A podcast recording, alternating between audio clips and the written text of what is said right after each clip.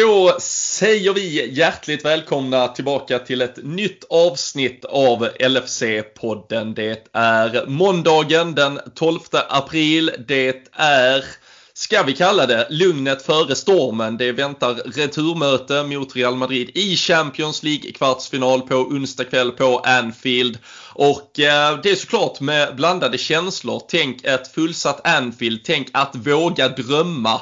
Det är såklart tuffa utgångsläge som gäller men eh, vi har ju gjort sånt här förr. Vi eh, ska i alla fall hitta en hel del positivitet hoppas vi. Vi ska försöka snacka upp det som väntar såklart på onsdag. Och så ska vi också titta tillbaka i backspegeln här på vad som hände på Anfield i lördags när Liverpool tog tre jätteviktiga poäng i eh, ligaspelet. Och eh, jag ska såklart inte göra detta ensam. Jag har Fredrik Eidefors med mig. Och vi har ju som alltid LFC.se också med oss i ryggen. Det är ju där ni hittar den svenska supporterklubben podden. Det är där ni kan hålla er uppdaterade med allt man behöver för att liksom fylla sin vardag med Liverpool-nyheter och annat kul. Och eh, finns ju såklart också då chansen till ett medlemskap så att man verkligen liksom på riktigt kliver in i den röda Liverpool-familjen. Men LFC.se alltså, in där, håll koll på grejerna och så kör vi igång ännu ett avsnitt av LFC-podden.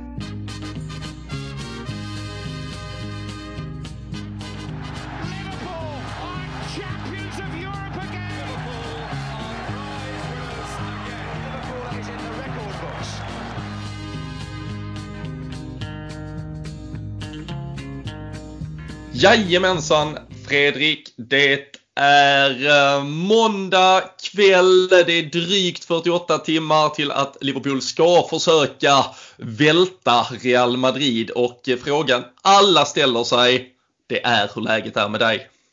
Ja, är det så alltså? Alla undrar det. Det, ja, det, är, var ju... det, det, är, det, är, den stora frågan. Ja, det är... Jo, nej men det är... Ja, det är väl optimistiskt kan jag tycka. Det är... Eh både sol och snöregn i Göteborg som under tiden vi, vi pratar just nu. Det är, det är en sån kombination, går fram och tillbaka. Eh, och då mår man som man mår, men eh, när man vet att det är måndag, man ska prata Liverpool och framförallt en seger på Anfield också mot eh, som inte har varit jättebortskämda med du och jag och eh, Daniel som varit med här också. Så att eh, det känns ju faktiskt rätt bra måste jag ändå säga efter hur det har varit tidigare. Så jag hoppas att det, du känner likadant. Ja men absolut, absolut. Eh, vi, eh, ja, vi ska väl försöka liksom eh, det är klart att liksom vi, måste, vi måste våga tro på det. Uh, sen kan man ju liksom, det, det, är ett helt annat spektra av ens supporterskap vad man egentligen liksom känner är realistiskt och sådär. Men där, där finns ju såklart um, saker att ändå blicka tillbaka på. Vad har vi gjort historiskt? Sen som vi sa och som liksom vi har vetat nu i ett år utan publik på läktarna så är det ju andra förutsättningar. Men, eh, men vi ska väl liksom ta alla möjliga scenarion och försöka prata, prata om dem och kring dem. Eh, men eh, såklart också titta tillbaka då på, på helgens fotboll som har varit. Och, ja, samtidigt som då ett Champions League-avgörande stundar nu så är det ju ett Premier League-avgörande som kommer vara otroligt jäkla intensivt eh, den närmsta månaden också. Så det är ju, nej, det är, eh, det är ändå häftiga tider. Eh, det är det ju som fotbollssupporter och också idag måste man ju säga lite positiva tider för alla oss som då har en speciell relation till England och utvecklingen där och vart de är på väg kanske då i sin, dels har de ju väldigt, väldigt framskjuten vaccinationstakt och annat. Och idag så är det ju faktiskt den stora dagen för dem där borta och då tänker alla, ja det är ju pubbarna som öppnar. Men nej, det är också att JD Sport äntligen öppnar så att engelsmännen kan köpa fula mjukisbyxor igen och eh, känna sig så engelska som de bara kan. Det har varit eh, otroliga bilder alltså från men va, hur prioriteringen ser ut i, hos äh, engelsmännen där borta. Egentligen. Ja, herregud. Det är ja, vilka bilder som sagt. Det är ju nästan så att eh, Hendersons Premier League-lyftare eller pokallyftande hamnar i underkant här nu när man, när man ser de bilderna. Det är, ja, man, man, jag ska inte säga att man känner igen sig i form av sig själv, men man, eh, man, man eh, så, ja, känner man några engelsmän och varit där så vet man ju precis vad det innebär och det är, eh, ja, det är på något sätt skönt att se att de får försöka leva lite i vardag igen. Men ja, ja det, det, får man ge dem lite. Ja men så är det Det är alltså all sån här non-essential, eh, alltså ja till exempel då klädbutiker och så vidare. De har fått eh, öppna idag då. Pubarna har fått börja utomhusserveringar och eh, så även hårfrisörer och lite annat fick också öppna, också utomhus dock. Jag vet inte hur jävla skönt det är att sitta, speciellt de brukar ju dessutom mest klippning där är ju bara raka av sig allt hår så det, det funkar väl i och för sig rätt bra utomhus kanske. Men, Tänk dig äh, Mohamed Salah utomhus med den frillan och klippa sig, det vet du tusan hur bra något, det går. Något man däremot har undrat är ju att de här frisörerna har ju varit tvungna att hålla stängt typ ett halvår, från och till i över ett år egentligen. Men det är ju ett par fotbollsspelare som alltid har rätt så välansade frillor. Alltså hur, eh, hur ja, det går ihop. Ja, men jag vet inte hur det funkar faktiskt med men jag har ju faktiskt, jag följer en kille som, eh, som eh, ja, känner lite smått sådär som har också redigerat lite film som jag gjorde förr i tiden med Liverpool baserat och sånt där och det han har ju liksom de har ju de här egna frisörerna de har de här killarna. Jag vet inte hur de lyckas få, få, få, få de här att komma hem till de här människorna under dessa tider. Men fan, de, får, de har mycket att göra alltså. Jag vet inte riktigt hur det går ihop men eh, de, eh, de lever ju livet de gubbarna. De har ju de här, alla fotbollsspelare kan ju ha personliga frisörer. Ja, men precis. Det är det, det allting handlar om nästan. Man vet väl inte riktigt var eh, liksom, kryphålet eventuellt Men Nej. är du kanske då anställd någonstans istället av eh, en person för att göra dessa tjänster så kanske man undgår det. Men det ska vi väl inte... Det, det, det, det lämnar... Ja, det, det, är en annan, det är absolut en annan podd. Men, jävligt kul att se att uh, pubbarna uh, slår upp dörrarna. Det är ju för fan det uh, är levebrödet för väldigt många och framförallt liksom den ja, men kanske stora sociala sammankomsten som finns. Det är ju liksom livet där ute på puben. Jag såg ett gäng, det var fyra tjejer, de satt på någon utomhuspub i Huddersfield 08.17 i morse. Det, det gillar man ju också. Men, är det premiärdag så är det premiärdag. Ja, och då finns det inget dåligt väder heller. Jag såg också någon som hade suttit ute, det var så här spöregn rakt ner och satt vid typ shorts och grejer. Det var som sagt, det är desperata tider nu Robin. Det är, ja, måste få sin bärs. Så är det. Uh, men, uh, men man hade väl kunnat konstatera att om uh, chansen hade givits en att sitta på en pub i närheten av Anfield med gäng människor och ha det trevligt här om två dagar så hade man ju, man hade ju inte tackat nej till det åtminstone. Åh oh, nej. Det är... Nej. Ja, Ja, fy fan. Men eh, de tiderna kommer längre fram. Eh, vi ska också eh, blicka framåt mot onsdagen. Men vi börjar ju såklart ändå i eh, lördagsfighten mot eh, Aston Villa.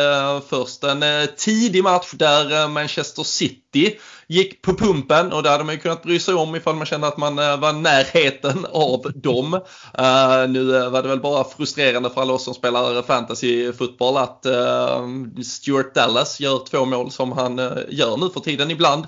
Men att man har börjat skicka han ganska långt ut på sin bänk eftersom det ska man inte kunna göra mot Manchester City. Men så blev det. Nej, snacka om att beat the odds som man säger. Det var var det två skott på mål och det var två farliga ja. chanser och det är 2-1. Dessutom en man mindre på det hela. Det är, Nej, jag, jag sa väl faktiskt det efter matchen. Eh, tyckte det kändes eh, fullt rimligt att om det är något lag som ska göra det de lyckades med att slå City borta med en man mindre i 92 minuterna och då är det ju Leeds på något sätt som ska göra det. Det är det är till och med så att när man satt, jag vet inte hur du kände, jag började ju titta neråt i tabellen ibland och tänka vad är det som för lag som kan komma upp här? Och de har ju lyckats, eh, ja, några vinster här nu och då tänker man att då måste vi ju ta och vinna mot Villa för annars börjar det ju täppa igen det lilla gapet som har varit. Men ja, det, det är illa så illa tittar... kanske det inte ska vara. Men, ja, det, det, är illa om man sitter efter City Leeds i omgång 31 eller vad det är ja. och är mer nervös över att Leeds har tagit poängen än glad över att Manchester City har förlorat dem. Ja, det var inte riktigt så vi satt eh, för två år sedan eller ett år sedan och, och, och pratade men eh, det är kul att det ska kunna komma sådana tider med. Ja, nej, så är det. Så är det absolut. Eh, för Liverpools del eh, så var det sen eh, alltså Aston Villa som gällde. Framförallt noterbart var väl då att Sadio Mané förpassades till bänken från Real Madrid-matchen så betyder det ju Roberto Firmino in igen. Och eh, jag personligen satt väl och skrek mig hes genom hela den där Real Madrid-matchen att det där bytet på Sadio Mané borde komma. Eh, till slut så kom det då i form av en petning här istället. Eh, Klopp kan ju såklart prata om rotation, spelare ska vara fräscha och så vidare. Men det kändes ju verkligen som att det var hög tid för Sadio Mané att börja en match på bänken.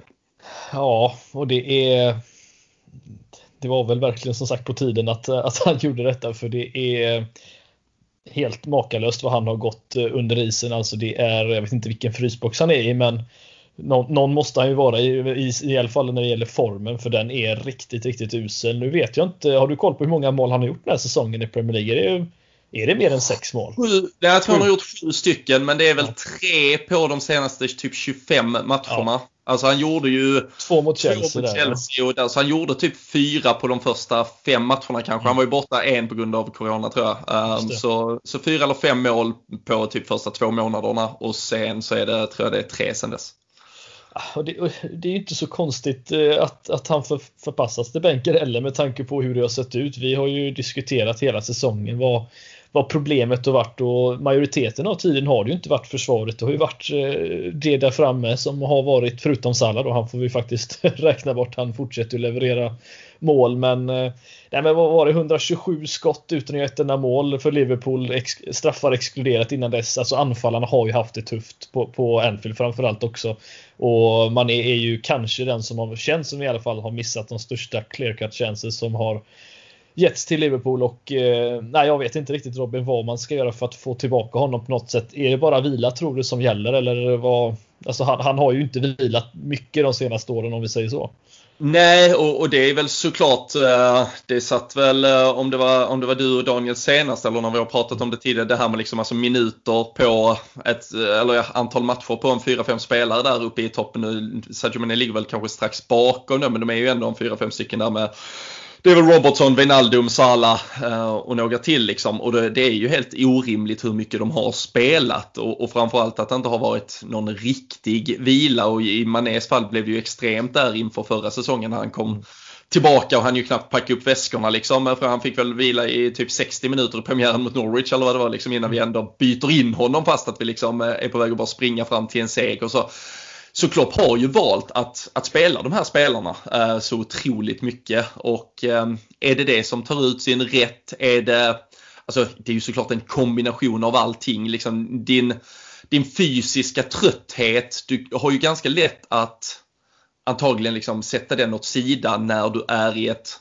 mentalt uppsving. Alltså när allt går bra, när det är väldigt roligt att spela fotboll, när du jagar den där nästan ouppnåeliga drömmen och du springer mot ett historiskt ligaguld. Men när du plötsligt ska ja, men få distans kanske till allt som har hänt när du fick plötsligt tre månader utan fotboll förra våren när du plötsligt ska tillbaka från eh, liksom, du har egentligen åstadkommit allt du skulle åstadkomma. Du har varit uppe på den toppen och eh, det dessutom då knakar lite från början. Man får inte riktigt fart på sakerna. Det är kanske inte lika kul varje match och så vidare och så känner du dessutom då att du hamnar in i en ganska negativ spiral, att du inte får allting att stämma. Eh, det är ju klart att antagligen alla de komponenter inkluderat plötsligt är svårare att, mm. att hitta tillbaka.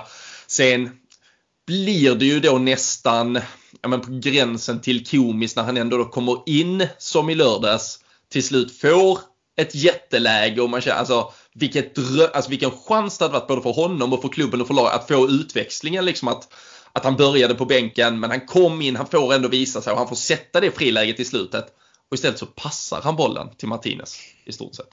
Ja, eh, alltså det, det, ja. jag, jag, tycker hela, hela sekvensen är så ironisk egentligen också med, med tanke på att vi pratar om att han är den här killen som aldrig förlorar explosivitet och han ser alltid så himla eh, liksom flexibel ut. Men alltså när han får den passningen där, han, han ser inte särskilt eh, smidig ut ens när han tar fram bollen utan det ser, eh, det ser liksom Ja, och avslutet som du säger, det är ju, blundar du nästan så kan du låta det, och de beskriver det skottet, kan man ju tänka att det är Salas högerfot vi pratar, men det är liksom, man är i ett friläge och Sen ser man ju efteråt att Jota då som har sprungit med i det anfallet dessutom eh, hade ju jättegärna haft den bollen och i ärlighetens namn ska ha den bollen. Eh, om inte man är i form för den delen så nej, det är mycket med honom just nu som är lite tufft men på ett sätt tycker jag att det känns bra då att vi har i alla fall en Jota som kan ersätta honom på något sätt om, eller Firmino eller vem det nu än är. Så att det inte är att det är just en Origi som tar den platsen för då blir det ju då vet det tusan om vi ens kanske vänder eller vinner den här matchen, vad, vad vet jag men det är, eh, ja, han behöver verkligen vila upp sig och eh, det är ja, nu är det slutspurten så han har inte jättemycket tid att vila upp sig heller för den delen. Men eh, nej. det måste vara skitjobbigt för honom för den delen också. Ja. Han, han pratade väl, var det inte för någon en, två veckor sedan han gick ut och pratade med jag tror det var officiella sidan just om hur, ja, hur det har påverkat med eh, ja, trötthet och allt sånt där. Om, det var någon annan sida som hade intervjuat honom. Det, var, nej, det verkar som att det har tagit på spelarna och som du nämner, många av de här spelarna som har kanske varit lite formsvackor den här säsongen. Det är ju de som har spelat mest så det är ju fullt rimligt troligtvis. Mm men vi, eh, vi kommer väl tillbaka till eh, situation Sadio när vi ska ta eh, lite mer sikte på onsdagsmatchen och hur vi ska tänka inför den. Men om vi spolar tillbaka mer då till händelserna under lördagen där så så var det väl kanske inte ett Liverpool som kom ut och eh, liksom eh, dominerade. Vi vet att det har varit, det har varit ett spelmål på Anfield, eller ett mål totalt sett, det var ett straffmål. Vi får gå tillbaka till faktiskt just Sadio Mané, eh, 27 december, spelmål senast vi gjorde på Anfield inför då det här mötet. Och eh, alla känslor, i alla fall när jag gick till mig själv såklart, alltså topp 4-racet lever ju verkligen och frodas och det, det, måste vi ju ta seriöst och verkligen på allvar och vi ska väl försöka ge oss själv en ärlig chans i den mixen. Men för mig var ändå lördagen mycket om att ja, men, hitta målen, hitta, hitta saker som gör att vi vågar drömma inför onsdag mot Real Madrid. Sen får allt annat komma lite längre fram. Men det var ju inte en första halvtimme och första halvlek egentligen som fick en att känna att det här är ett Liverpool som står redo att bara trycka gaspedalen och ska köra över lag som kommer till Anfield. Utan det börjar ju ja, men lite sådär likadant som det har gjort. Och framförallt så får vi då sen också en kalldusch och 0-1 ja, två kallduschar nästan blir det ju om man räknar med eh, det bortdömda målet. Men eh, ja, det kommer vi till. Jag, ja. jag, vet att du älskar att prata VAR så jag, jag ger dig den. Eh, nej men det är som du säger, man sitter där och kollar matchen och eh, när det har gått några minuter så vet man ju vad, vad Liverpool har att erbjuda och eh, i 99 fall av 100 känns det som nu den här säsongen så så vet man att det, det kommer att, vara ett underläge om, eller ett kryss innan vi går in i halvtid. Det är ju extremt sällan vi faktiskt leder halvlek just nu på hemmaplan för den delen med. Men det känns som att vi, det är andra halvlek som vi gasar på på något sätt och det är väl kul att vi kan visa upp det. Men eh, nej, det var ju inte det laget jag satt och utan att jämföra för mycket med eh, andra matcher. Men den starten Chelsea hade några senare på kvällen mot Crystal Palace var väl lite det man kanske hade velat se Liverpool någon gång den här säsongen. Alltså verkligen flyga fram och vara sådär effektiva som vi kan vara men inte har varit den här säsongen. Och nej, det var ju verkligen inte det som vi hade Ja, vi, vi, fick väl mer eller mindre vad vi nästan visste Robin, är det inte så? Det, det känns som att det är det här vi har förväntat oss just nu tills Klopp hittar en plan B men eh, jag vet inte riktigt om det finns en plan B i hans eh, repertoar just nu för det här är ju, det är ju samma Liverpool igen. Det är eh, några chanser som missas, ett friläge från Salah som han borde göra mål på så ja, kommer då det här 1-0 målet som, eh, ja, som, som det blev innan halvlek. Ja, och, och där kommer egentligen ett, ett problem till som man kanske, det, det såklart, det, det highlightades ju såklart som ett ett stort problem i sig när Allison gjorde de grova misstagen han gjorde här för ett par veckor sedan eller någon månad sedan är det väl till och med. Men, men det som börjar bli oroväckande nu tycker jag är ju att han inte ens verkar fånga de mest ganska enkla skott. en målvakt som gör misstag, det är freak-grejer, alltså såvida du inte gör det varje, varje vecka. Eh, det var jättesynd och trist att det kom ett par på rad för Alissons del där för en tid sedan. Men eh, nu tycker jag det är lite oroväckande att han inte ens tar, tar, tar skott som han bör ta. Mitt och, på sig typ också. Det... Ja, och det var lite mot Real Madrid också. Alltså, en trea, så här, ja, all, det finns jättemånga faser i spelet där vi kan skylla på andra saker också som kanske gör att det föranleds. Så det borde inte ha varit ett så bra läge. Men, men han var ju, jag vill bara tillbaka en säsong eller två så var han ju skillnaden i de lägena. Då tog han ju dem i alla fall. Men eh, för att du inte, att du ska ju kunna, någon gång kommer du släppa till typ det läget som Watkins får. Men i nio fall till måste ju målvakten då ta det och få finnas där. Det är ju sån skit som, eh, som Adrian har fått på sig när han har spelat. Att han har släppt in de där bollarna. Jag, jag minns, jag vet inte om du kommer ihåg det målet som Leicester gjorde på oss där vår 18-19 säsong där när Milner gjorde sista straff, ja, sena straffmålet. Då kom ju Madison i något sånt liknande läge. Drog den, det var väl Adrian som stod där till och med.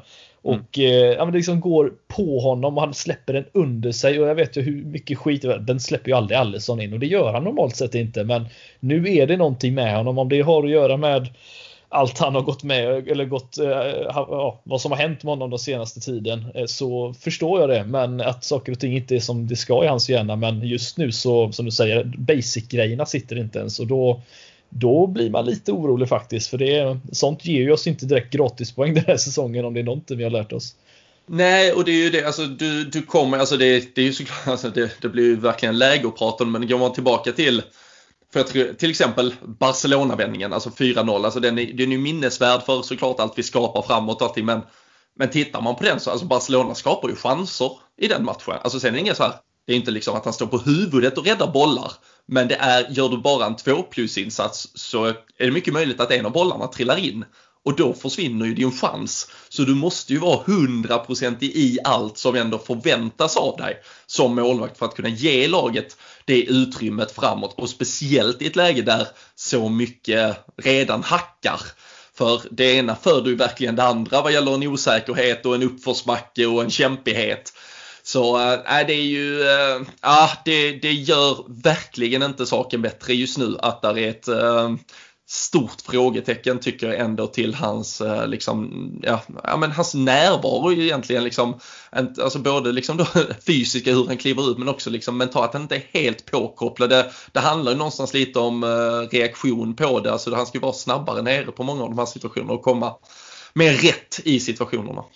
Det är tyvärr bara det att det har varit så många, många sådana här situationer för honom den här säsongen. Eh, det är ju det som är lite, lite jobbigt men eh, vi får väl sagt ge honom en säsong här där han inte släpper, håller 22-0 på en säsong som man typ trodde han skulle, ja, skulle bli standard för honom. Så att, eh, men just när, när basic-grejerna inte sitter, det är, det är då det börjar liksom kännas, eller ja, det blir lite problematiskt kan jag tycka när inte ens en sån här räddning går att göra utan att den faktiskt sticker under honom. Och eh, nej, det är vi får se om han eh, behöver även han då en ordentlig försäsong komma igång igen så kanske han är tillbaka och håller eh, 22 nollor igen nästa säsong. Det är väl förhoppningen i alla fall.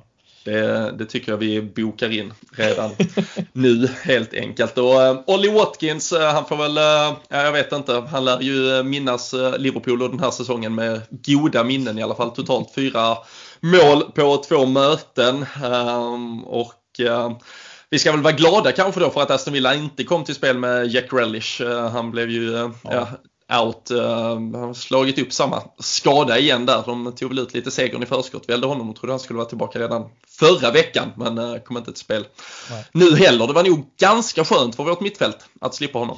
Ja, sen är ju som sagt Watkins den stora sensationen den här säsongen. Det är ju faktiskt rätt fascinerande. Jag vet ju att alltså, visst, tre av de målen som skedde i förra, match, för förra matchen var ju det var ju den matchen som vi helst inte kanske behöver diskutera men eh, Nej, en, en lurig spelare. Det är ju faktiskt bara så att det är han och en till som har gjort fyra mål mot Liverpool under en säsong och då kommer jag ju ställa frågan vem den andra spelaren är. Mm fy fan. Uh, man vill ju gärna tro att det är någon som har gjort ah, det. eller är det Arshavin? Han gjorde ja, fyra i en match. Jajamän. Ah! det är de två. Ja, det är starkt. Ja, det är bra. Jag tänkte jag, går till, jag får gå till någon som gjort ett hattrick och sen ett till, men mm. där hade vi ju Arshavin. Ännu värre. ja. Ja, snyggt. Vi är säkra på att han inte gjorde något i det andra mötet av den säsongen. Så fyra är rekord eller? Ja, precis. Då blev det 1-1. Då gjorde, det var då Robbie Keane gjorde det där underbara eh, långmålet. Ja. ja. Ja, fy fan. Och, då, där, och däremot så hade vi kanske den mest gräsliga dräkt vi någonsin har. Ja. Vi spelade bara bortatröjan men ändå med hemmashorts och hemmastrumpor ju. Så det var ju grå upp till och så rött ner till. Va, var... Vilken säsong var det vi körde? Var det typ 05-06? Vi hade de röda trö tröjorna och byxorna med vita strumpor. Det var så riktigt gräsligt att se. Ja, det också. Det, ah, det, det är Reebok när de är som bäst. Det är... fina, fina Reebok. Ja, nej, fy fan. Ja, vad, vad har du att säga om eh, det som hände efter Watkins eh, mål? Den eh, känns ju som att den, den följer efter oss några den här säsongen, gör inte det? Jo, det var väl tionde gången den här säsongen ja. vi kunde konstatera att VAR till slut dömde bort ett mål och där är vi ju därmed i ensam majestät. Fyra Måste leda någonting Robin. Ja men så är det väl. Man, eh, man tar vad man får. Bara man får sitta överst på någon jävla tabell helt enkelt. Men eh, nej, det, det, blir, eh, det, det blir så jävla parodiskt där. Ehm, det roliga, eller roliga, det sjuka var att jag hade, som jag satt med, med lite vänner och tittade fot, liksom verkligen hel fotbollslördag. Det, det följdes ju upp med El Clasico och all möjlig fotboll längre fram. Och allsvensk premiär var det ju faktiskt också. Eh, det var MFF-supportrar, de jag eh, umgicks med. Så vi började ju med att se MFF Hammarby. Och ehm, efter, ja men ganska tidigt så gör ju Hammarby 1-0 i eh, den matchen. Och de blir förbannade så in i helvete såklart. Vilket är fullt rimligt. Jag är inte lika känslomässigt involverad där. Men så säger jag till dem, men vad fan var det inte offside kanske? Så de bara, ja det spelar väl ingen roll. Jag bara, ja men då, det kommer ju kolla. Nej, det kommer inte kollas. Det, nu är det död. Jag bara, shit det är det men jävlar vad kul. Alltså jag kollar ju inte allsvenskan. Men du alltså, då bara reagerade. Det blev mål och så fick de reagera direkt. Det var jag. jag bara shit, alltså det är ju så här fotboll ska oh, vara.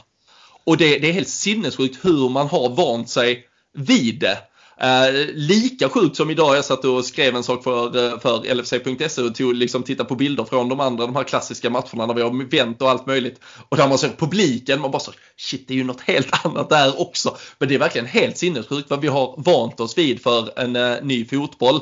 Och uh, börjar vi då ändå med att prata i änden av VAR så så blir ju det här någonstans det slut. Alltså det är ju det här som har varit det slut. Det är det här som vi alla som tittar på fotboll har konstaterat blev fel. Alltså det, det dödar, det dödar sporten eh, och kommer att på riktigt döda sporten. Jag hade inte kunnat motivera mig att orka fortsätta på den nivån. Alltså som trä, alltså Alltså Klopp står där och liksom man vill fia, alltså han lever för sekunderna och minuterna när de här händer, alltså ögonblicksbilderna. Och istället så ska det vävas, det ska ta flera till, alltså de ser inte ens vad som händer, det är liksom någon kalabalik och det, det är inte längre fotboll och vi kan inte ha ett regelverk som så jävla snett skjuter bort den här sporten just nu.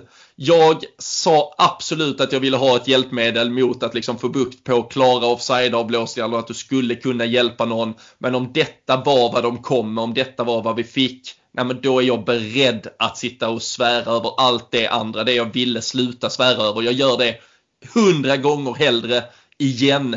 För ni har misslyckats så jävla fatalt med att liksom sätta in ett system som skulle göra det enklare och liksom mer rättvist ni har bara fuckat upp sporten fullständigt. Diogo Jota startar sin löpning en meter bakom Tyron Mings men blir avblåst för offside. Sju sekvenser, alltså det är till och med, alltså ingen orkar, man orkar, de orkar inte bry sig längre. Alltså man vet, ja de kommer ju börja veva något jävla skit och liksom det var min första reaktion när jag sitter där i soffan och nej, nu är det inte allsvenskan längre, nu kan vi inte fira så det här ska börjas tittas på. Och, eh, och så landar man i det där. Och man vet ju när de börjar dra de där jävla linjerna att vill de dra den här jävla linjen så att det blir offside, då gör de ju det. Vill de inte det, ja då gör de ju inte det. Och det, det ligger till slut på dem. Bilden på när Trent slår bollen till Diogo Jota kan man inte se. Bollen är mör, alltså den är bakom en spelare. Så det, nej, det blir, det blir sån jävla parodi och här, här måste nog, alltså här måste klubbarna gå samman i sommar och sätta sig ner på riktigt och säga att ja, men vi, eh, vi kommer inte att spela om vi ska ha det så här. Vi, vi vill inte. Vi har lyssnat på våra fans. Uh, där kan man säga vad man vill. Där är ju liksom den svenska medlems och föreningsdemokratin helt otrolig. Där liksom medlemsmötena kan ta ett beslut där man klubbar för att klubbarna ska aktivt motverka ett införande det hade ju varit på sin plats att alla supportergrupperingar ställer det kravet på sina klubbar att vi måste aktivt motverka detta. Vi kan inte låta det stanna kvar, vi kan inte låta det förstöra. Vi har chansen till nästa säsong när fansen kommer tillbaka att ge dem den upplevelsen som alla förtjänar på plats. Och den inkluderar inte sju minuters kontroller där millimeter ska dras från armar och en boll som inte vet när den har lämnat spelande fot och så vidare. Vi måste få bort skiten nu och alla måste fan aktivt jobba för det hela sommaren hoppas jag. Ja, jag, eh, jag, jag skriver under på den Robin. Jag tycker också att det är eh, vi har ju faktiskt sett några spelare ta, Louis Dunk var det väl som var ute och diskuterade just det här med varför varför domaren inte får några frågor efter matchen här. Och Jag måste ju stå här också och diskutera varför jag gjorde som jag gjorde. Varför får inte han stå och säga varför han gjorde som han gjorde? Och det är, det är ju återigen, det är, det är ju de människorna som är bakom det som är de stora problemen. Det är finns ju just nu någon form av agenda att de blåser ju av hellre ett mål som inte de kan vara 100% säkra på. Det är ju bara att gå tillbaka till Mané-målet på, på Goodison Park, alltså, eller på Hendersons mål. Alltså det, det, det är, och vi kan säga detta utan Liverpool-tröjan på. Det är ju faktiskt så jäkla tråkigt att kolla på fotboll när du inte kan ens fira på det här sättet. Jag firar inte Trents mål, det ska gudarna veta. Jag kan säga Nej, jag var, jag var helt jag var helt äh, säker på att Shakiri var offside i den när han fick passningar av Thiago eller Ja, eller att någon, tvek, alltså någon som stod i mitten där som var offside och ja. stod i halvt i vägen. Ja. Liksom. Nej, alltså jag, jag har gett Jag har slutat fira också. Ja. Ja, det är, och det är som sagt det är så jäkla Och det är bara att kolla på spelarna. Alltså, de, de har ju redan gett upp dem med. Alltså, normalt sett kanske man skulle bli irriterad över någonting, något beslut. Och det är bara att se Firmino. Han, han bara vänder sig om och börjar jogga liksom, tillbaka igen. För han vet att det är lönlöst. Det är ingen idé att liksom, tjafsa. Det, här, det, det är som det är. Och det är alldeles för många beslut den här säsongen som har gått åt det här hållet. Inte bara för oss utan för många andra. Och det är som du säger, det, är, det måste ta ett slut. För det här är Ja, Nej men det, alltså, nej, det är ju, alltså det, det, och det gäller ju allt och alla. Jag såg, man såg det igår i United-Tottenham, eh, till exempel när Cavani gör 1 alltså det är liksom en, eller 1-1 blir det väl han gör. Alltså det är liksom en stor match, det är liksom, eh, ja det är, det är jätteviktiga poäng, han gör det målet. Så, och han vet ju till, där vet till och med han att just i min situation, jag är fan safe här liksom. Jag vet att jag har inte gjort något fel i alla fall så jag kan fira det här målet. Ja men då var det en situation innan och innan och innan och innan och så där till slut. Och det var så, ja men det här det var ju precis framför domaren, det måste han ju själv ha sett, det ska han ju själv döma. Det, han ska ju inte behöva hjälp av det här systemet sen i efterhand för att korrigera och där förstår man ju Cavani sen är ju skit, han är ju helt jävla förbannad på hela jävla skit. Han vill ju inte spela fotboll med, med Så alltså, vem domaren var då? Äh, vem som var på VAR eller? nej, vem som var på plan. Som fick nej. ta den, gå och läsa på VAR-skärmen. Ja, det var väl Chris Kavanagh? Var det inte det? Ja, det var det han. Jag tror, jo, det, var, det, var inte, det var inte Coat var det inte, herregud. Nej, det var Kavanaugh. Men då, ja, alltså, nej, men den är ju den andra, så det, det spelar ingen roll. Men det, Markovic blev ju utvisad för samma sak för några år sedan i Champions League. Så, och han var på ett gult kort dessutom, McTominay, som aldrig kan bli utvisad i den United-tröjan. Hur mycket han än eh, pillar folk i ansiktet eller tacklar någon så kan han aldrig bli utvisad. Ja, och det, det är ju det sinnessjuka sen, för det, det, det pratar ju många om då att liksom gult kort kan man inte ge i efterhand på VAR. Men jo, tydligen, för om du har gått tillbaka för att kolla en foul i en situation som leder till ett mål och det är domaren som går till den här jävla kameran eller till skärmen. Då kan man faktiskt ge ett gult kort. Så då är frågan, du kan ju inte säga att det bara är frispark och slå någon i huvudet. Antingen så slår han inte honom i huvudet och då är det inte frispark och slår han honom i huvudet, ja men då är det ju minst gult kort och då blir han ju utvisad. Bara, nej. Äh, ni är så jävla dåliga hela högen och ja. äh, man är så jävla... Här har vi rubriken för avsnittet. Fan i suger. dåliga hela högen.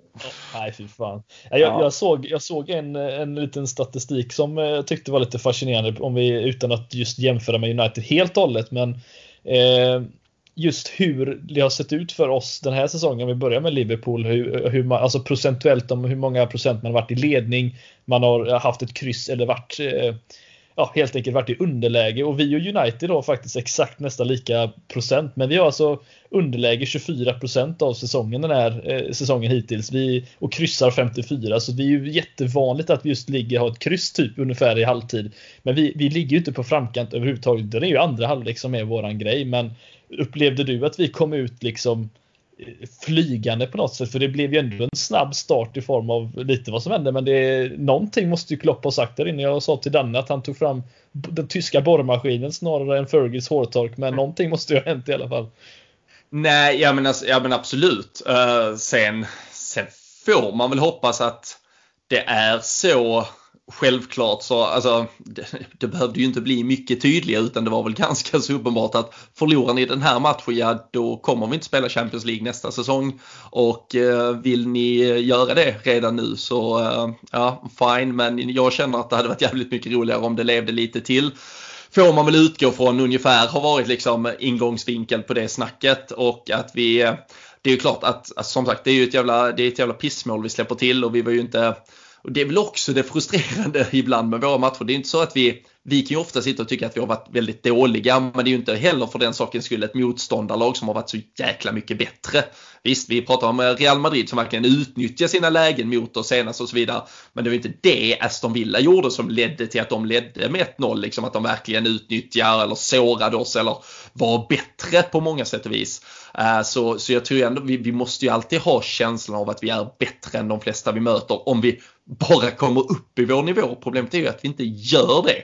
Men det kändes som du säger, det känns ändå som vi kom med en annan fart. Om det var den där sista, okej okay, nu är kniven mot nu är det sista chansen. Det, här går tåget liksom om vi inte hänger med nu. Eh, och eh, det bidrog väl absolut till att det var lite bättre fart eh, i andra halvlek. Framförallt så kändes det ju som att det man ska ju inte ta i så man spricker här så att det börjar liksom se ut som förra säsongen. Men det, det hände ju ändå så. Vi kom ju upp på kanterna till exempel på ett annat sätt som vi inte har som egentligen, ja, såklart stundtals, men som vi över perioder inte har sett alls denna säsongen.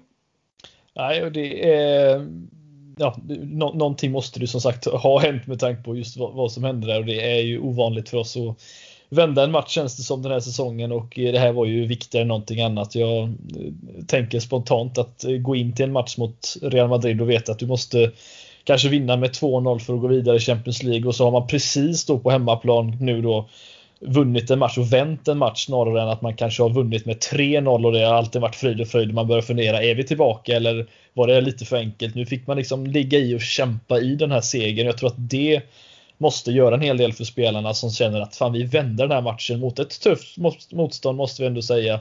Och, eh, och, och löste detta på något sätt och kom in i det och kontrollerade i alla fall eh, mycket av andra halvlek. Men eh, jag var fascinerad över hur, hur, hur det kan ha gått så här Robin, att man kan gå så som sagt så obesegrad och så mäktig på en arena och sen bara plötsligt bli så där tandlösa som vi har mm. varit. Men eh, jag tyckte ändå andra halvleken var någonting positivt som vi borde ta med oss med tanke på ja, att det skedde, skedde en förändring åtminstone. Det är eh, som sagt en Burnley Brighton eh, typ av insats då. Då är det 0-1 och vi förlorar den matchen så att men, men det var inte riktigt den här gången. Någonting annat var det. Framförallt då med Salah som jag vet inte riktigt hur, han, eh, hur dålig han än kan vara. Nu säger jag inte att han var dålig den här matchen, men mål gör han i alla fall. Det är en sak som är säkert. Ja, och eh, för fjärde säsongen i rad gör han dessutom minst 19 eh, ligamål. Det är han nu näst bäst i Liverpool-historien med. Uh, tror det är tangerat med uh, Ian Rush tror jag också har fyra säsonger. Jag skulle säga Mohamed Salah har gjort uh, fyra säsonger i rad. Uh, alltså Ian Rush har fyra säsonger totalt av 14 tror jag då i, i högsta divisionen där han har kommit över 19. Men uh, Mohamed Salah alltså alla sina Premier League-säsonger för Liverpool så har han gjort minst 19 ligamål. Han slog ju ett rekord, sitt eget rekord också förra veckan där mot Real Madrid och gjorde mål i den 18 bortamatchen den här säsongen. Eh, eller sitt 18 bortamål eh, ska sägas. Eh, och ja, men han fortsätter ju slå målrekord på målrekord. Han är ju den som har flest så att säga goal involvements, alltså mål och assist i förhållande till sina matcher i Liverpools historia numera också. Och jag, jag med och skickade ut det på Twitter just när jag såg alltså den här statistiken ifrån att han är då liksom ja, rekordnoterare återigen med sina 19 mål där för fjärde säsongen i rad. Det, vi måste börja prata om dem som en av de allra största. Vill man inte prata om spelaren som den allra största, men så den allra största målskytten, det kommer vi aldrig ifrån. Och jag hoppas vi kan börja uppskatta det innan vi bara ska titta Ja, jag höll sig på att säga postumt, jag hoppas ju absolut att han lever för evigt, men liksom från att han har lämnat Liverpool, utan vi vill ju, vi vill ju, vi måste börja njuta nu, vi måste börja fan tacka honom och uppskatta honom för det han gör varje dag för oss. Ja, det, man kan ju inte direkt säga, sitta och säga vad hade vi varit utan hans mål, men jag säger det, vad hade vi varit utan hans mål? Det är... Eh, vi hade, varit, bla, vi hade varit bredvid Leeds om vi hade haft tur, Fredrik, kan jag säga. Jag tror det. Det är mm. något, något i den stilen. Ja, nej men det är... Eh, känns ju nästan som, som en evighet sedan han gjorde mål. Eh, ett hattrick mot Leeds i början av säsongen, men det var ju var ju faktiskt inte allt för länge sedan egentligen, men det är, eh, det är en spelare som, som verkligen är där när, när han behövs. Och det, visst, det blev förlust mot Real Madrid, men han var där och gjorde det nervigt för, för motståndarna kanske en liten stund. Och han dyker upp när han behövs, vad folk än säger. Så eh, som du säger, han är han är bland de största eh, och eh, det är bara att säga att han har varit med och vunnit allting, tänkte jag säga också, i alla fall ligan och Champions League och det är inte många spelare i Liverpool som kan säga att de varit med och gjort båda de grejerna. Eh, inte i alla fall på senare år. Nej, och så lägg till då två, två skytteligatitlar, ett mm. Premier League-målrekord och så då, utöver det så har han då minst gjort 19 ligamål. Han går väl ja, en uh, helt öppen kamp egentligen med, med Harry Kane här, vem som vinner uh, skytteligan denna säsongen. Så det, uh, det är en helt otrolig spelare och jag tror, uh, liksom, jag, jag, jag, tror man kan konstatera att gör Mohamed Salah inte mål mot Real Madrid så slår vi, har vi absolut ingen chans. Gör han ja, mål så. så. kanske vi kan ha en chans. Alltså det är i alla fall, ja. ja men det, det, står ändå, det, det, det, är där det både börjar och slutar liksom. Har, har han något i sig? Kan han bidra? Kan han dra oss lite framåt, då, då finns hoppet. Kan han inte det, hade det varit Barcelona hemma igen och vi fick reda på att Mohamed Salah missar och han bara kom där med sin t-shirt. Det räcker inte. Han behöver vara på planen nu för eh, det är han som har det i sig. Ja, det var väl den t-shirten som gjorde mestadels av det arbetet kan jag tycka. Det eh, kräver lite stak att gå med en sån en match när man har förlorat med 3-0 på bortaplan i Champions League semifinal. Det är, Ja, det är fascinerande. Ja, Men, eh, mål blev det i alla fall. Som sagt var det 19 nu sa vi och eh, ja, fick, fick få se Robertson dyka upp på kanten också. Det har vi inte sett jättemycket den här säsongen känns det som. Och få Nej, det var... Men det var ett anfall som faktiskt kändes sådär otypiskt Liverpool den här säsongen. I alla fall på Anfield. Det, det hände någonting.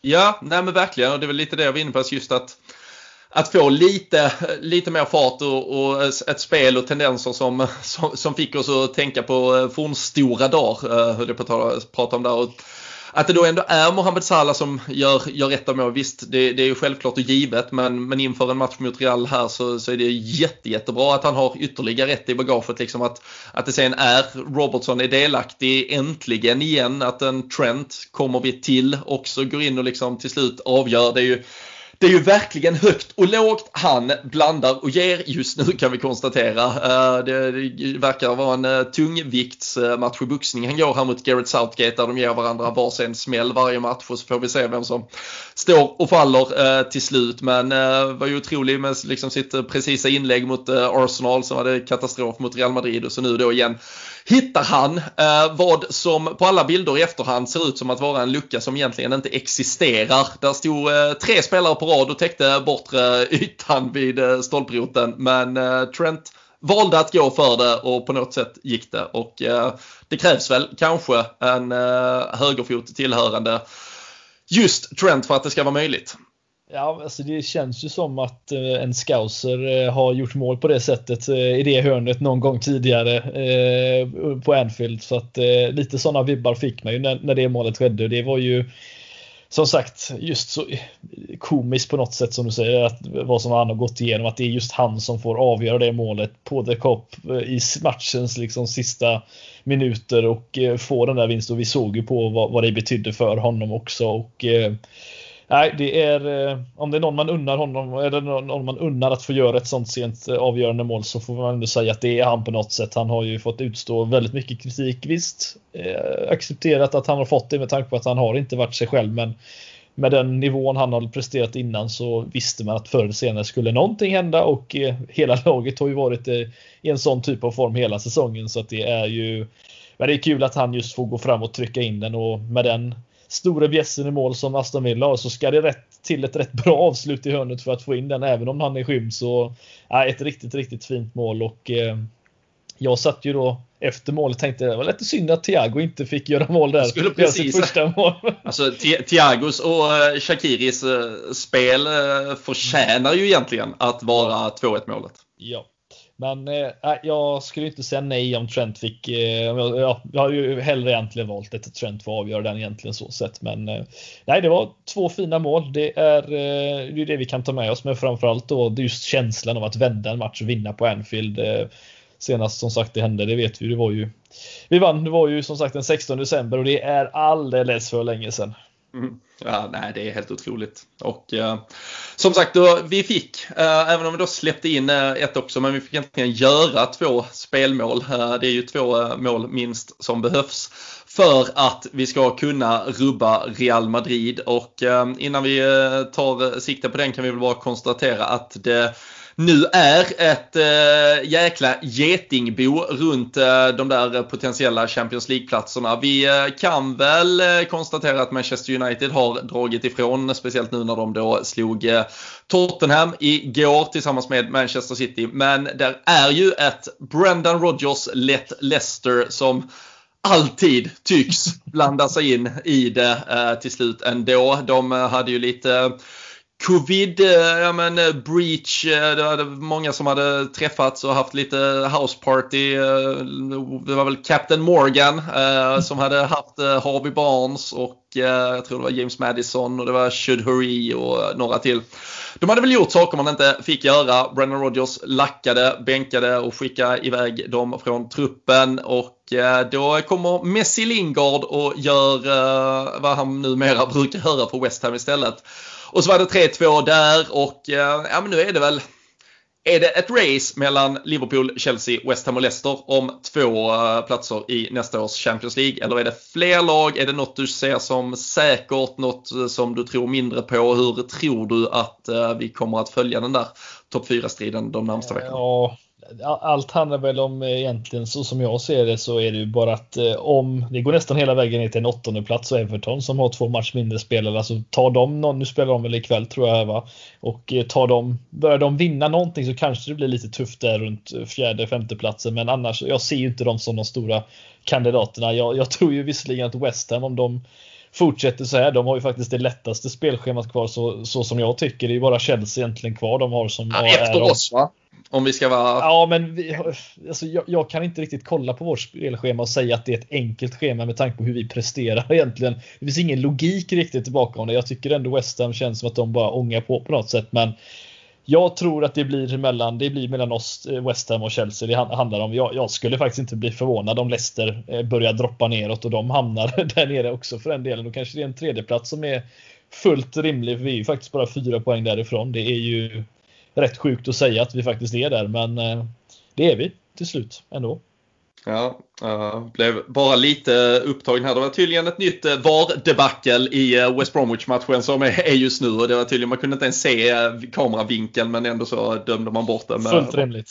Ja, såklart man gör det. Jag tänkte bara att vi jättesnabbt skulle ta en titt där på spelscheman. Alltså Leicester har ju ett väldigt lätt schema nu de närmsta veckorna. Eh, sen avslutar de med eh, United, Chelsea och Tottenham. Så de ska väl gärna ha tagit ett par poäng de närmsta fyra matcherna. Om de inte ska svettas rejält framåt slutet. Eh, vi har väl på pappret egentligen bara då Manchester United borta som en ja, riktigt tuff match. Våra fyra sista är ju Southampton, West Bromwich, Burnley och Crystal Palace. Eh, så man kan väl inte be om bättre förutsättningar även om det är den typen av lag vi har uh, sannoliken haft problem med. Uh, West Ham ska ju faktiskt också möta Everton åtminstone. Annars är det Chelsea som du säger där. Och Chelsea då, de har ju faktiskt utöver West Ham då i det derbyt så har ju de Manchester City, de har Arsenal, de har Leicester och de har Aston Villa. Så de har kanske nästan det tuffaste schemat ja. på pappret. Och avancemang i Champions League ser ut att vara mer eller mindre spikat även för deras del. Ja, när, när du säger det så Robin, då, då, pump, pump, då öppnar jag upp skumpan här nu så säger vi att vi tar en fjärde plats eller? Ja, men det tycker jag väl. Eller att vi vinner Champions League. Det är, vad, vad tror du? Vad känns mest rimligt? Ja, problemet är ju om eh, vi, uh, nu, nu kanske vi räddas av att Arsenal uh, fuckar upp uh, sitt Europa League-äventyr. De fick ju bara 1-1 hemma mot Slavia Prag i första matchen där. Men vi skulle ju potentiellt kunna stå i en situation där vi kommer fyra och så vinner Chelsea Champions League och så vinner Arsenal Europa League och så får vi ändå inte Champions League-spel. Det hade ju varit... Vi blir Evertonade. Ja, ja, fy fan. Det är det värsta man kan bli. Något som har med dem att göra. Ja, precis. Ja, nej, men det är som sagt, det kommer bli ett jäkla getingbo där till slut. Det är det ju redan nu visserligen, men det kommer eh, eh, Ja, jag, jag, har en känsla om att Leicester kommer att och, eh, bottla det. Alltså. Jag känner som det. Jag tror att något annat lag kan segla upp där och ta en tredjeplats. Men eh, vi får se. Det är mycket som sagt tuffa matcher kvar att spela och eh, jag har ju sagt det till, till dig och Daniel innan att nu handlar det bara om att ta poäng och liksom få några segrar i rad här nu och så att man börjar bygga på någonting. För då händer det, händer det saker och nu har vi gjort det och nu är vi inte långt därifrån. Så att Nej, eh, saker och ting händer. Vi har ju faktiskt tre raka vinster i Premier League nu. Uh, vilket inte är något vi har varit bortskämda med den här säsongen. Det är ändå tufft alltså, mot motstånd som ja, vad ska vi säga, enkelt, men det är mot lag som ligger runt omkring, vissa av dem i alla fall. Så att eh, får ändå säga eh, att det är ändå bra resultat vi har fått med oss, starka prestationer så sett. Nej. Det är det absolut. Eh, problemet där kanske är väl att eh, Real Madrid då som är onsdagens motståndare, de eh, lyckas ju också ta resultat mot starka lag. De genrepar ju inför returmötet med att spela ett El Clasico hemma mot Barcelona. Det var framförallt i första halvlek som Real Madrid kom ut, eller början där direkt från start. Det var verkligen ur startblocken. De var riktigt, riktigt bra och eh, mönstrar väl, eh, jag tror det var på när eh, Valverde kom in istället för Asensio. Annars var det exakt samma 11 som de eh, ställde upp mot oss. Sen eh, blev ju Lucas Vasquez skadad så det kommer väl vara antagligen någon, någon förändring inför returmötet. Men vi kan nog förvänta oss ett ganska så likadant Real Madrid. Eh, framförallt så är det ju det där inom mittfältet, eller ja, mittfältet på tremanna som är eh, helt otroligt. Eh, Karim Benzema gjorde mål nu igen. Han har ju sparat lite på krut kanske till Liverpool också. Och det är ju ett lag i form där också får vi säga som vi går upp mot. I, hade någon sagt i höstas att Real Madrid, eller i vintras egentligen, skulle kanske vinna La Liga och vara på väg mot en semifinal i Champions League. Då hade väl folk skrattat men det är lite sådär gammal är äldst, störst är störst och när det vankas sånt här avgörande då är ju den här typen av klubb alltid att räkna med. Ja, sen eh, har väl de på något sätt då tur att eh, de möter ett Liverpool som inte alls har kommit upp i nivå för den delen heller. Men eh, nej, det är, eh, det är ju som du sa, de, de, har rutinen. De här, många av de här spelarna har vunnit rätt många Champions League-titlar dessutom. Så de har, eh, de har varit där förr så att säga och vunnit med mot, eh, även om Ronaldo kanske varit den största framgången för dem, så har många av de här spelarna som vi nämnde, som sagt Kroos, Modric och Casemiro, Benzema, de har ju varit eh, tongivande i det här laget under, under några år nu så att det är, eh, är riktigt tufft motstånd men eh, hade det varit publik på läktaren Robin, då hade jag sagt 2-0 men eh, nu säger jag inte det. Nej. Nej, jag ska, vi ska se om vi återkommer till, eh, till något eh, slutresultat. Vi kan kan väl bara behöver liksom inte börja bli eh, långrandig i det sådär. Men vill man, eh, vill man ändå boosta sin positivitet inför onsdagen så, så gjorde jag faktiskt ett, eh, ett positivt knäck för LFC.se. Det händer inte ofta den här säsongen att jag tar på mig den hatten och vädrar frisk morgonluft. Men nej, jag kände att jag behövde någonting att försöka hänga upp mig vid. Något att liksom våga drömma kring. Och det finns ju faktiskt ett par historier historiska kvällar på Anfield som man verkligen kan ta med sig eh, inför onsdagen. Det är ju alltid från eh, Liverpool Sankt Etienne eh, 1977 eh, i Europacup kvartsfinalen. Det som blev vägen fram till vår första Europacup-titel. Det är såklart mer aktuella vändningar mot eh, till exempel Dortmund och eh, Barcelona. Och eh, en intressant vinkel som jag hittade i båda de här faktiskt Fredrik ska du få se om du kan knäcka denna. Den är jävligt långsökt och svår. Men eh, vad tror du att hemma borta resultatet var i eh, de här matcherna när vi gick in i andra halvlek av returmötena? Du menar mot Dortmund och eh, Barcelona? Barcelona. Mm. Uh, Total då aggregate liksom. Ja, alltså Barcelona låg vi under med 1-0 va? I första. Du tänker första halvlek alltså? Ja, men i uh, andra halvlek, alltså inför andra halvlek i sista matchen. I då alltså Jaha. Mm. Uh, uh, uh, ja, mot Barcelona, då stod det ju 1-0. Då hade, hade vi ju en 1-3 alltså? Ja, 1-3 precis. Mm. Och eh, jag förmodar väl att det var samma sak då. Det var det Fredrik! Så ja, mot... Det tog så lång tid för, ja. för mig att hänga med det. Ja, men det, det var inte, jag, det, det var liksom ingen uh, superkvalitet Jag trodde det skulle vara en betydligt annorlunda fråga du skulle komma, men ja. okej. Okay. Nej, så vi har ju alltså, nu har vi 90 minuter på oss mot Real och vända ett 3-1 underläge. Vi behövde bara 45 för ja. att vända 3-1 mot både Dortmund, där var det 1-1 i första mötet, sen låg vi under med 2-0 i hemmamötet, alltså 1-3 inför andra halvlek. Vi behövde göra minst tre mål. Det gjorde vi. Vi behövde göra minst tre mål eller ja, två plus eventuellt före någon förlängning och så vidare mot Barcelona. Vi gjorde tre, så tre mål i båda andra halvlekarna. Där eh, tar vi chansen och utnyttjar även då de första 45 minuterna här så kan allt hända. Och eh, vi har ju även då mötet från 2009 när vi mötte Real Madrid i en slutspelsmatch senast eh, exkluderat finaler då som visserligen blev 3-1 till Real Madrid också. Du hörde ett eh, jävla gångbart resultat. Men då vann vi ju med 4-0 hemma på Anfield. Så det finns ändå saker att ta med sig. Uh, ja. Jag vill ändå skicka med det uh, inför att man liksom sätter sig och börjar ta sig in i match-mode här på onsdag kväll. Ja, men jag tycker du är helt rätt i att börja fokusera på det positiva. Jag, jag känner att jag gärna hade velat ta åt mig lite av detta. Så jag, jag, jag gör väl det nu då med det, med det sagt. Jag, känner att visst, vi har ingen Mamadou Sakho som kan eh, stånga in en boll på hörna mot, eh, som de har mot Dortmund. Vi har ingen Origi kanske till, från start som gör två bollar, men Origi är i alla fall med i truppen så att eh, jag, jag har väl lite för förhoppningar på att någonting ska ske. Han kommer in och klackar in en boll i pannan på sig själv eller något i den stilen. Det känns väldigt, väldigt honom på något sätt. Ja, men verkligen. Eh, vill, man, eh, vill man bygga på den där eh, boosten av positivitet så finns det alltså på lfc.se en, men en lite längre text med minnen från de här matcherna. härliga YouTube-klipp att ladda upp med så tror jag man har en jävligt fin timme ungefär lite drygt att tagga till inför Real Madrid-matchen på onsdag. Eh, vi ska väl såklart ändå försöka avsluta och landa i eh, vilket lag vi vill se ska ta den här chansen. Vi börjar prata Sadio Mané om den där formdippen kanske är så pass allvarlig så att man måste fundera på om han verkligen ska starta den här matchen. Mittfältet är väl då den eventuella sista frågan om det är någonting där man ska tänka på. Det var ju James Milner kom in nu här mot Aston Villa.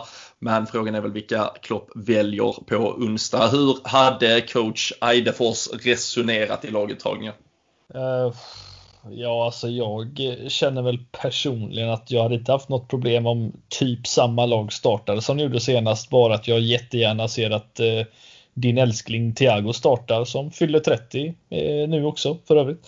Eh, men eh, nej, James Milner ser jag inte håller i, i det spelet mot, mot Real Madrid så att jag, jag ser gärna samma lag fast in med eh, med en Thiago. Sen känner jag mig eh, nöjd samtidigt som man sitter och funderar på. Eh, vi satt och pratade om vår, eh, vår gode vän eh, Curtis Jones för inte så länge sedan, men nu vet jag att han inte var med här senast heller. Men eh, det är en sån spelare som jag jättegärna velat se som som hade kunnat komma in och, och göra lite, skapa lite kaos. Men eh, nej, jag säger in med Thiago och ut med Milner. Sen känner jag mig rätt nöjd faktiskt och ser att man gärna får starta på bänken. Ja, Nej, och där, eh, där håller jag ju med eh, helt. Det var, det var väl egentligen den fronttrion jag argumenterade för inför det första mötet och eh, de senaste två 90 minuterna här har väl inte fått mig att förändra den åsikten. Ingen Ben Davis från start alltså? Nej, det skulle väl vara på topp kanske som lite target och, och ösa på direkt. Men uh, nej, han, uh, han sitter där han sitter. Nu är det ju Champions League-trupp så då brukar han ju dyka upp på bänken till slut i alla fall. Så ja. det, det, är väl, det är väl superhärligt och kul för honom. Men det där är en sommarpodd längre fram när vi ska analysera hans första halvår i uh, Liverpool. Det kommer att bli måste-lyssning för er alla där hemma. Men, det blir ett långt avsnitt ja, längre än hans karriär kanske. Det ja. räcker det blir 7-8 minuter då så är vi nog förbi. Men, ja, jag, och jag håller väl med eh, lite kring eh, mittfältet. Eh, jag hade egentligen inte heller varit helt, alltså det, är, det är så jävla svårt egentligen hur man ska attackera en sån här, alltså när vi förlorar med 3-0 mot Barcelona då, då var det ju lite, och framförallt som de själva twittrade inför matchen också så här. Gör vi bara ett måste Liverpool göra fem och framförallt vi behövde göra minst tre för att ens få det till en förlängning ändå. Liksom. Det behövdes göra så jävla många mål så vi var tvungna att bara gå för det. Här är vi alltså trots allt vid, alltså jag förstår att det ändå är jättesvårt men vi är ju alltså direkt vidare till semifinal på 2-0. Det är inte ens förläggning eller någonting utan och worst case vid 2-0 släpper man in 2-1 ja, då ska vi ändå bara göra ett så att säga för att få den till en förlängning. Alltså, där finns mer för sig. Så jag vet inte om, nu gör vi ju ändå aldrig mål i första halvlek så det spelar ingen roll hur mycket vi försöker.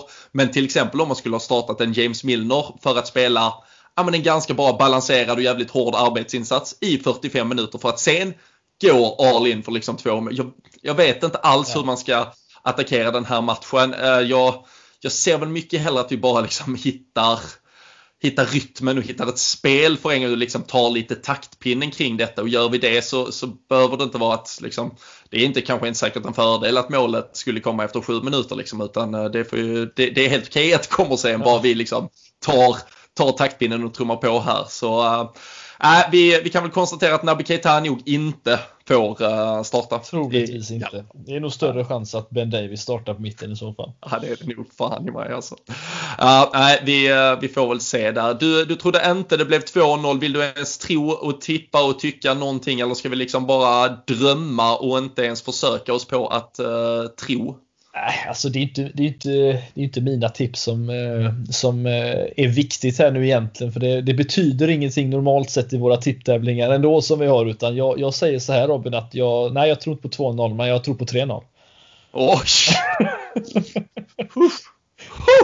nu sitter man svettig här. Uh, ja, det, det låter ju Nej, det, jag, jag, säger ingenting. För jag, jag, jag har, det finns släpper den där alltså. Ja, men det, finns, det finns så mycket jag tror och det finns så mycket jag egentligen hoppas och det finns så mycket jag är rädd för och det finns så jävla mycket annat. Eh, jag, jag, jag kommer att uh, lägga ut den egyptiska mattan här hemma nu och uh, sitta på den och bara fundera och drömma och be till ja, det är Egyptian King, att uh, han vaknar på det humöret som bara han kan och sen, sen efter det så tror jag allting kan hända. Men uh, det, det är ju en jävla match vi har uh, framför oss. Så uh, spänn fast er, gör er redo. Vi eh, kommer att eh, vara tillbaka antagligen redan på torsdag kväll. Det är ju eh, Premier League sen, visserligen måndagsmatch, så vi ser väl när vi, när vi väl har återhämtat oss efter onsdagskvällen. Men nej, en dundermatch som väntar. Vi kommer såklart ha tipstävlingar och eh, annat kul och uppsnack och så vidare på eh, Patreon. Så är ni inte redan med där så går ni såklart in på patreon.com LFC-podden eller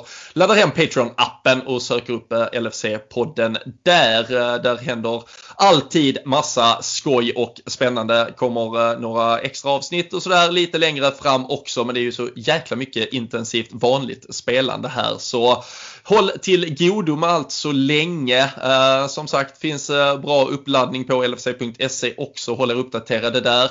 Så tackar vi som vanligt för eh, förtroendet vi har fått den här timmen och så hörs vi och ses vi snart igen.